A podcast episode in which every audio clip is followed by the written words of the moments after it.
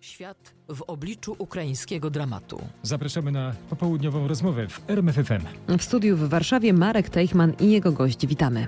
Witam serdecznie. Moim gościem jest Marek Prawda, były ambasador Rzeczypospolitej w Niemczech i Szwecji, były e, szef polskiego przedstawicielstwa w Brukseli, przedstawicielstwa Komisji Europejskiej w Polsce. Dzień dobry, panie ambasadorze. Witam pana, witam państwa. Panie ambasadorze, kiedy Ukraina będzie członkiem Unii Europejskiej? Pewnie wcześniej niż wiele innych krajów bo sytuację mamy nadzwyczajną, ale tego najwięksi filozofowie nie wiedzą, bo nikt się nie chce zdeklarować.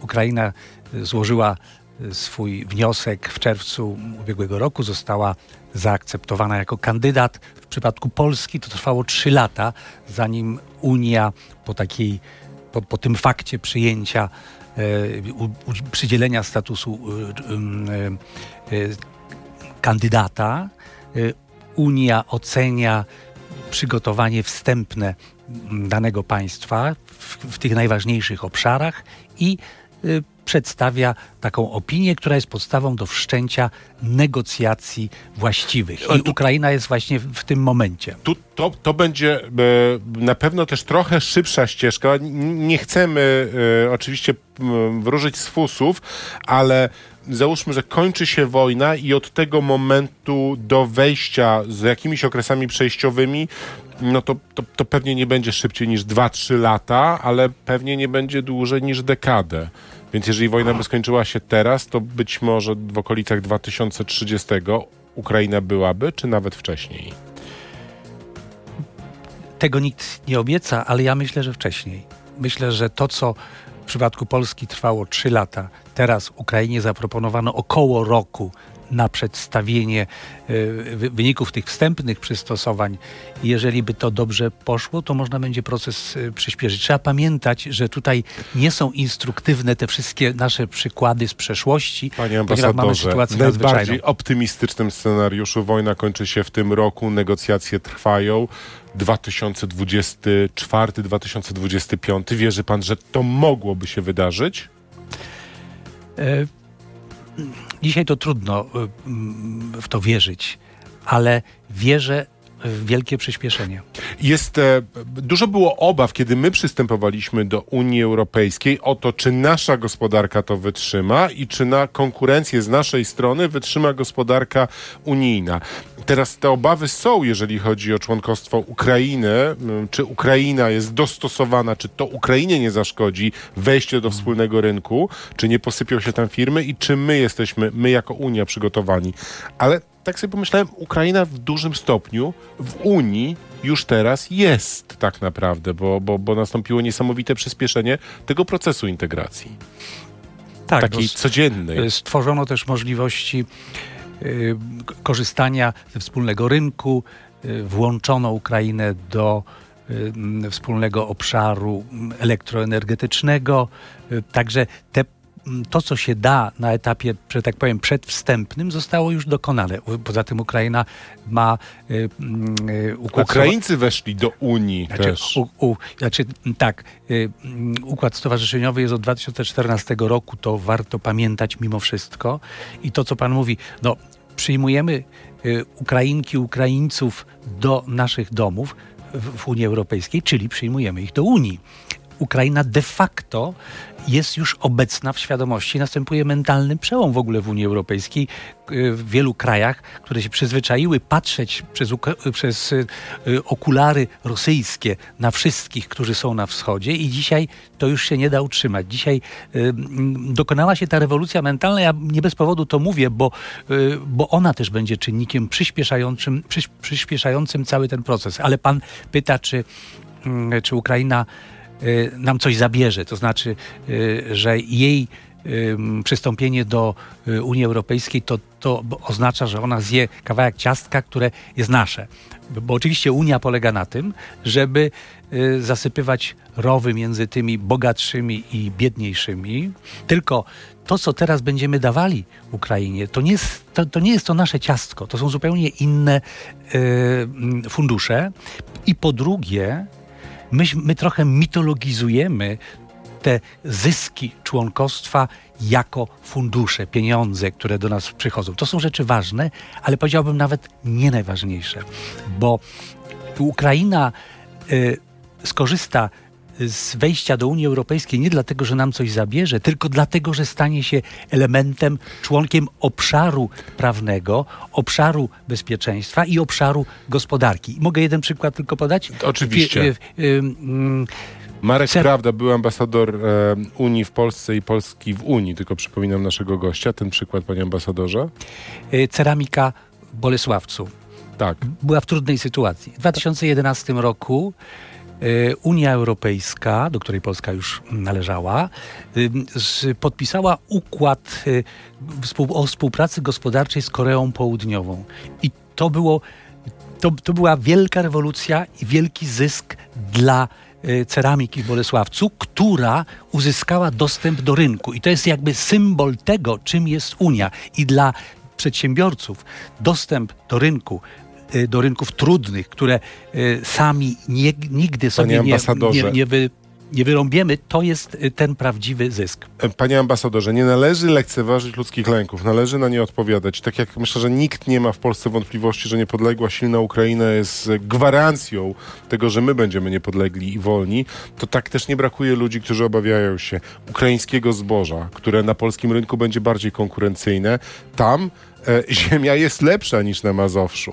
E, boi, się polscy przedsiębiorcy konkurencji. Ukraińcy już teraz mają fantastyczną energetykę, mają elektrownie jądrowe i fantastyczne e, obszary do rozwoju e, odnawialnych źródeł energii. Jak na te lęki odpowiedzieć, panie ambasadorze? Ja to widzę inaczej. Ukraina ze zbożem i z energią będzie dla nas konkurencją, jeżeli będzie poza Unią Europejską i poza systemem e, prawa konkurencji.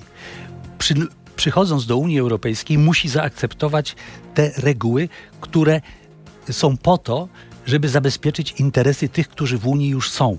Y, Także mm, konkurencja dla nas byłaby wtedy, kiedy ci, z którymi i tak handlujemy, z którymi mamy duże interesy, nie podporządkują się tym prawom, które my.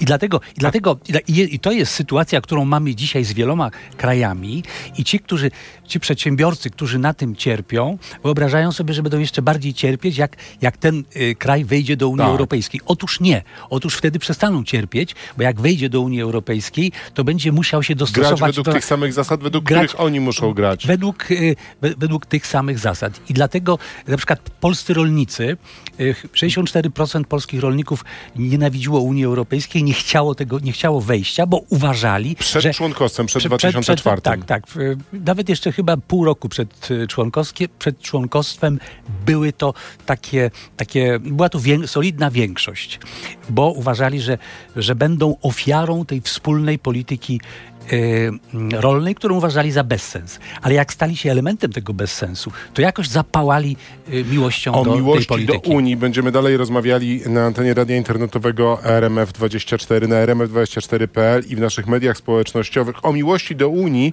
i o tym, czy punkt ciężkości Unii przesunął się tutaj na wschód, a także o dopłatach dla polskich e, rolników. Dziękujemy słuchaczom RMF FM, zostajemy w radiu internetowym. Marek Prawda, były ambasador Rzeczypospolitej w Niemczech i Szwecji, były mm, szef polskiego przedstawicielstwa w Brukseli i przedstawicielstwa Komisji Europejskiej w Polsce. Panie ambasadorze, a czy sądzi pan, że nie, to, to, to są drażliwe tematy, ale czy my na przykład, tak jak było wtedy przy negocjacjach naszego członkostwa, powinniśmy e, próbować doprowadzić do tego, żeby dopłaty dla ukraińskich rolników były rozłożone w czasie, zanim dojdą do pełnego poziomu? Tak było u nas. Albo wprowadzać jakieś okresy przejściowe z tą pracą. Mi się to akurat wydaje trochę absurdalne, bo my potrzebujemy pracowników ukraińskich w Polsce, a nie tego, żeby oni tutaj nie przyjeżdżali. Ale czy, czy, czy, czy, czy to będzie tak wyglądało jak wtedy z nami, że będzie negocjacje, okresy przejściowe, oni dostaną 25% dopłat? Jak, jak pan sądzi? Znaczy czasy są inne, ale myślę, że pewne mechanizmy się powtórzą. To znaczy i w interesie Unii, i w interesie Ukrainy będą okresy przejściowe w różnych y, dziedzinach, ale, ale one na pewno nie będą już takie jak w przypadku Polski, bo to były strachy na lachy. Znaczy byśmy się bronili przed tym akurat, co y, się okazało y, niegroźne zupełnie i, te, i ten, ten strach y, w większości krajów y, Unii Europejskiej y, był nieuzasadniony przez, przed tym właśnie przed inwazją polskich pracowników. Więc ym, to, to oczywiście jest przed nami proces okresów y, przejściowych, y, proces y, takich ym, ulg w, osz- w poszczególnych y, dziedzinach. My, ponieważ, jest, ponieważ w przypadku Polski byliśmy w relacji asymetrycznej, jako kraj biedniejszy, który był na dorobku i który oczywiście musiał dbać o okresy ochronne w pewnych dziedzinach i niektóre były potrzebne i dobrze, że były. Panie ambasadorze, e, nie wiemy, jak ta wojna się skończy. Bardzo możliwe, że ona się skończy takim statutem e, nie, niejasnym. To znaczy, będziemy mieli jakiś rozejm, będziemy mieli co pewien czas nasilające się bombardowanie.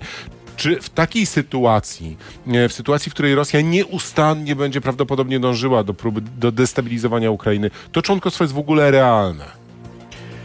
W takiej sytuacji ja wyobrażam sobie mm, takie rozwiązania niestandardowe, pewną kreatywność Unii Europejskiej, bo życie jest bogatsze niż nasze e, A Unia jest do dokumenty. tego gotowa? Czy, czy Nie. sądzi Unia, dzisiaj, jest... do Unia- dzisiaj nie jest do tego gotowa. I to jest y, prawdziwy kłopot, ponieważ y, żeby móc się rozszerzać, Unia musi p- zdjąć pewne blokady. Do nich, Jakie? do, do nich należy na przykład y, y, w sprawach polityki zagranicznej, to, że mamy jednomyślność, jednomyślne y, decydowanie o sprawach, które są w dziedzinie polityki zagranicznej, czy y, również jeśli chodzi o rozszerzenie. I teraz Czyli zawsze jakiś Orban albo, albo Fico nas będzie mógł blokować e, tak, w takiej tak, zawsze, sytuacji. zawsze ktoś, kto ma jakiś swój mm, kłopot z danym krajem, może blokować i potem trzeba będzie takiemu umownemu Orbanowi płacić w innych dziedzinach i, i mm, degenerować mm, wspólnotę, bo to się odbywa ogromnym kosztem. Mieliśmy wiele takich przypadków i już od dawna w Unii się e, o tym e, No tak, ale my dyskutuje. z, z drugiej strony my jesteśmy w paradoksalnej sytuacji, bo chcielibyśmy jedności Unii e, w tej sytuacji, a z drugiej strony bardzo nie chcemy rezygnować z zasady jednomyślności z innych powodów, dlatego że rząd w Warszawie ma, ma swoje kłopoty z e, Brukselą. No dlatego jest to schizofreniczne, no bo albo się chce Silnej, żeby- zaangażowanej Unii w, nad Kijów, nad Tak. Dnieprem, albo się chce Unii, którą można zawetować w każdej chwili. Więc po pierwsze, y, trzeba być otwartym na takie rozmowy o reformowaniu, mm, podejmowaniu decyzji, podejmowania sposobu podejmowania decyzji w, w tych sprawach, które dotyczą na przykład rozszerzenia, żeby pomóc Ukrainie. Po drugie, polski rząd zachowuje się czasem tak, jakby chciał dla Ukrainy e, takiej Unii, która się nie wtrąca w sprawy mm, e, e, prawne, praworządności. Mm, No akurat I tego Ukraina potrzebuje, żeby się wtrącać w sprawy No, prawnej i praworządności. świat marzy o Unii, o U- Ukrainie takiej, w której Unia się będzie wtrącała. Mamy tego przykłady w ostatnich tygodniach, bo są ogromne pieniądze, które już czekają, żeby, żeby się zaangażować w, w, w Ukrainie, ale nikt tych pieniędzy nie da, jeżeli nie będzie pewności, że Ukraina nie będzie workiem bez dna. A Ukraina jest krajem po przejściach i to doskonale wiemy. Więc dlatego to, to już ostatnie zdanie. Y, ten status, który Ukraina otrzymała, status y, kandydata, jest piekielnie ważny dla całego świata, aby uruchomić y, y, te, te, te, czekające środki i y, y, mechanizmy odbudowy kraju. Panie Ale do tego, potrzeba, do tego potrzeba y, Unii, która się wtrąca, która będzie pilnować, która będzie Ale my takiej Unii nie chcemy nad Wisłą. To chcielibyśmy takiej Unii nad Dnieprem, ale nad Wisłą takiej Unii nie chcemy. I na tym ta paranoja rzeczywiście polega. no musimy się zdecydować. Panie ambasadorze, a czy Unia robi dostatecznie dużo dla, dla Ukrainy? Unia y, robi dla Ukrainy więcej niż można było się spodziewać. Przecież pamiętamy, że na początku, y, tuż po wybuchu wojny, kiedy mm, NATO tkwiło w swoich ro- zrozumiałych rozterkach, Unia za, zaczęła y, no, ten proces wspierania kraju, także właśnie w, w dziedzinie obronności. Przecież stworzono taki mechanizm, który paradoksalnie nazywa się Panie pokojowym. ambasadorze, pan, pan powiedział, że robi więcej niż mogliśmy się spodziewać na początku. Ja się pytałem, czy robi dostatecznie dużo, dostatecznie tyle, ile by mogła. No, trzeba zacząć od tego, że Trochę pan pochwalił, ale to jest że- taka że odpowiedź, że Unia- m- mogłaby więcej. ja, ja myślę, że mm, y, ten, Unia jaka jest, nie może więcej, ale Unia mogłaby się zmienić tak, żeby móc więcej. Pa, panie ambasadorze, pan się świetnie zna na Niemczech. E, Był pan, był pan ambasadorem e, w Berlinie. Mm, Czy jest takie pojęcie Scholzing teraz, robi karierę, takie zwlekanie, rozwlekanie i tak dalej. E, Ale z tymi Niemcami to jest tak, że one nie jedno mają imię, bo, bo są zieloni, którzy zawsze byli bardzo, bardzo pryncypialnie anty autorytarni, w związku z tym anty, antyrosyjscy. Jest CDU, które robi taki euroatlantycki skręt. Jakie będą Niemcy y, y, przed nami? Czy to będą te Niemcy tych Russland Verstenderów, takie Niemcy... Rus, Rusland Verstejerów. Verstejerów, przepraszam bardzo. Czy, czy, czy to będą Niemcy euroatlantyckie? Czy to będzie nasz partner? Bo no, no, no, no trudno budować poczucie bezpieczeństwa na partnerstwie z Niemcami po tym roku. Ja się nie dziwię, że my z Leopardów rezygnujemy na rzecz Abramsów. Y, Niemcy, ja mam taką, stawiam taką tezę, że Niemcy stają się bardziej wschodnie. W sensie takim, że zdjęły okulary powoli, za późno, ale zdjęły te okulary rosyjskie. Wschodnie w naszym sensie. Tak, tak, w, w sensie przyjmowania naszej perspektywy, naszej optyki i zrozumienia, że wschód nie składa się tylko z Rosji albo innych krajów ocenianych przez okulary rosyjskie, tylko to są podmioty, które trzeba zobaczyć i potraktować jako od, odrębne, które mają swoje, swoją tożsamość, swoje marzenia i, i dlatego. mm, Ja nigdy nie byłem w stanie tego zrozumieć, panie ambasadorze. Oni mają mniejszy handel z Rosją niż z nami. My jesteśmy o wiele ważniejsi dla nich gospodarczo, tak naprawdę. My Polacy, a my Europa Środkowa jesteśmy kluczowi. Dla, nie, dla nich oni żyją w jakiejś takiej wizji tego, że jest jakaś gdzieś wielka Rosja, wielki interes. Pewnie, no ja byłem ambasadorem w Niemczech i pamiętam, y, jak mnie ciągle, jak ciągle mi odpowiadano, my nie zrobimy, my Niemcy nie zrobimy niczego, co może pogorszyć nasz dialog y, z Putinem. No, już wtedy można było pytać, czy Putin naprawdę, naprawdę wierzycie, że Putin chce prawdziwego dialogu. I to, ale to jednak się mm, y, zmienia i Ale zmienia się w sposób trwały, bo nadal e, no, bardzo duża część niemieckiej opinii publicznej jest przeciwko wysyłaniu wojska. Nawet jeżeli uznamy, że to jest element pacyfizmu, to, to SPD nadal jest silne w sondażach. Jest AfD, jest, jest to, to, linkę takie, takie jednak no, momentami straszne. No tak, ale jeśli chodzi o leopardy, bo to jest taki najnowszy y, przykład, y, 54% społeczeństwa niemieckiego jest za, y, 37% przeciw. I to się zmieniło, bo było mniej więcej pół na pół, ale jak już decyzję y, podjęto, to Niemcy ze swoją taką skłonnością do akceptowania tego, co, y, co y, szef powie, y, zaakceptowali. I, I wyraźna większość, można w tej chwili powiedzieć, jest za y, taką bardziej zdecydowaną polityką w, polityce, znaczy w, w, w sferze zagranicznej i y, w tym konkretnym przypadku y, dozbrajaniem y, Ukrainy. Ale y, należy tu jednak wziąć pod uwagę, od jakiego poziomu Niemcy teraz idą.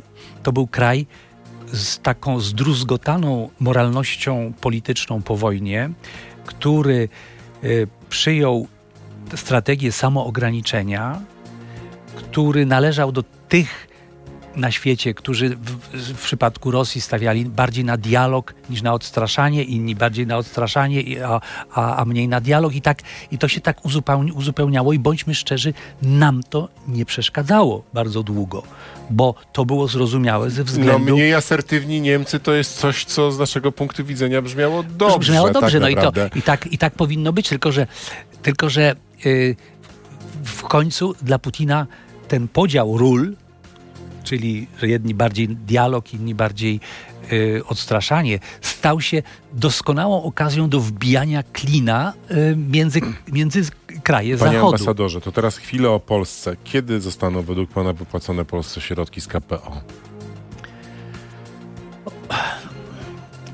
Wystarczą te przepisy ustawy o Sądzie Najwyższym według Pana i pro, procedowane teraz e, prace nad e, wiatrakami zamiast 10H 700 metrów. Że- Żeby teraz nie wchodzić w jakąś już e, wielką i skomplikowaną debatę, to ja powiem, że w Unii Europejskiej jest ogromna determinacja, żeby te pieniądze uwolnić i żeby, mm, żeby nawet na kredyt uwolnić, ale zachować sobie możliwości oceny tego, co się dzieje dalej, bo Unia ma teraz jednak sporo narzędzi takiego stałego wstrzymywania tych pieniędzy. To, że, to, że, be, to, że będzie uruchomione, to jeszcze nie znaczy, że te pieniądze popłyną. Ale będzie uruchomione w tym roku już. Ja bym obstawiał, y, że, y, że jednak y, zwycięży taka em, Jeszcze na wiosnę? Linia, linia kompromisowa, bo to wszystkim I ten kompromis będzie do wiosny, tak ciągnę pana o tą datę za język. Myśli pan, że, że do wiosny dostaniemy te środki? No jeżeli pan mnie zmusi, żebym obstawiał, to tak. Bardzo serdecznie dziękuję. Marek Prawda, był ambasador Rzeczypospolitej w Niemczech i Szwecji, szef polskiego przedstawicielstwa w Brukseli i przedstawicielstwa Komisji Europejskiej w Polsce. Dziękuję bardzo. Dziękuję bardzo również.